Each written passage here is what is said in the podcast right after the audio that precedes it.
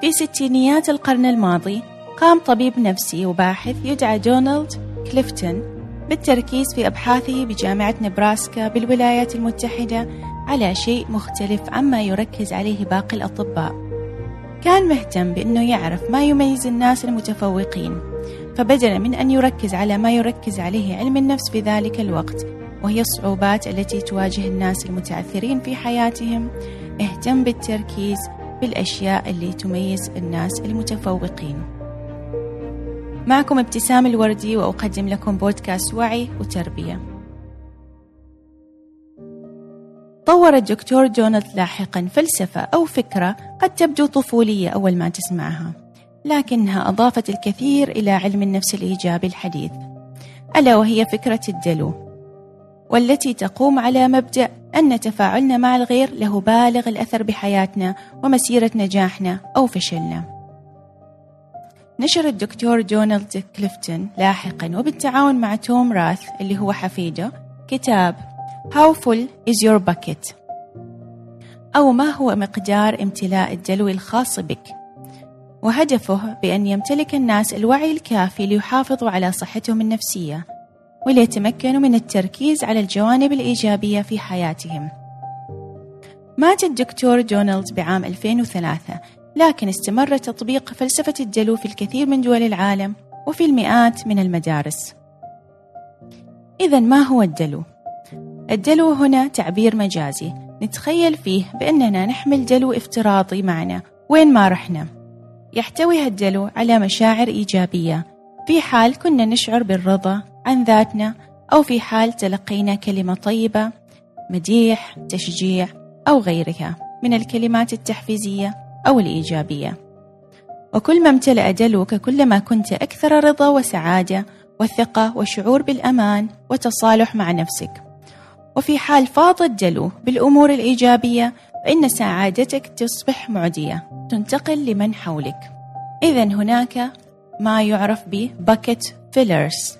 أو الأفراد اللي يعبوا أو يساعدون في تعبئة الدلو بكلماتهم الطيبة وبطيبتهم. وقد تكون أنت منهم. بكلمتك الطيبة لغيرك فتساعدهم على امتلاء هذا الدلو لأن دلوك ممتلئ فبالمقابل تساعد غيرك بنشر السعادة.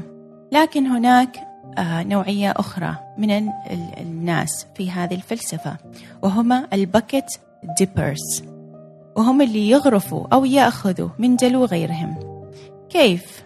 بالتنمر والسخرية أو بالكلمات القاسية أو الجارحة أو بالأفعال المزعجة والمؤذية وبعدم الاحترام وبتقصد الإيذاء أو حتى المواقف السلبية واللي تؤذينا ممكن تغرف من دلونا فما الذي يحدث عندها؟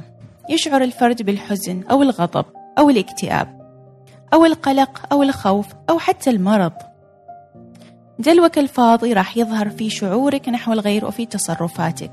صاحب الدلو الفارغ يبدأ يغرف من دلو غيره بالتنمر أو السخرية أو التعامل بالنكد. لكن غرفه ما راح يمنعه دلو ممتلئ.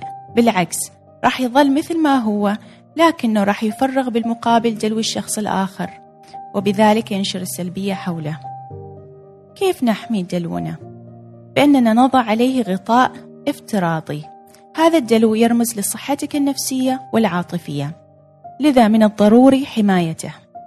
بالتفكير بالمواقف السلبية اللي قد تمر بها والحرص قدر الإمكان بأنك تحمي نفسك من تأثيرها بالحذر من التنمر والكلمات القاسية اللي ممكن تتعرض لها وبتذكرك بأن الشخص اللي يحاول يغرف من دلوك يمكن بالتنمر يمكن بالكلمات القاسية ليس لأن أنت بك مشكلة بل لأنه هو يعاني من دلو فارغ. يعاني من ألم عاطفي ونفسي وما عرف يوجه مشاعره بالطريقة المثلى. وكل ما تعلمت تحمي مشاعرك وتحافظ على الغطاء عليها كل ما كنت أكثر مرونة في التعامل مع ضغوطات الحياة اليومية. كارول ماكلاود كانت معلمة متخصصة في مرحلة الطفولة المبكرة في أمريكا. وفي تسعينيات القرن الماضي حضرت مؤتمر عن الطفولة وعرفت عن فلسفة الدلو. ولاحقا في عام 2005 ألفت كتاب Have you filled a bucket today? A guide to daily happiness for kids. أو هل ملأت دلوا اليوم؟ دليل الأطفال للسعادة اليومية. تعرف كارول الآن بامرأة الدلو.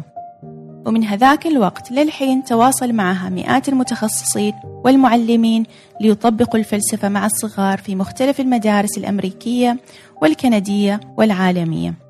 وبسبب بساطة المفهوم فإنه يستخدم على نطاق واسع مع الأطفال وحتى في العيادات النفسية المختلفة بحيث أنهم يعلموا الأطفال عن فكرة نشر الكلمة الطيبة والحرص على مساعدة الغير بأن يحافظوا على مخزونهم من الدلو كلنا نحمل ذلك الدلو الغير مرئي. هل فكرت أنك ربما تغرف من دلو أبنائك بدون لا تحس؟ يمكن بكثرة انتقاداتك وغضبك ومزاجياتك معهم. فتتركهم في نهاية اليوم بدلو فارغ ولا أحد يساعدهم في تعبئته أو يمكن هناك من يغرف من دلوهم لذا تلاحظ عليهم الحزن والقلق والغضب دائما. يمكن ابنك يتنمر على أخته أو صديقه لأن دلوه فارغ.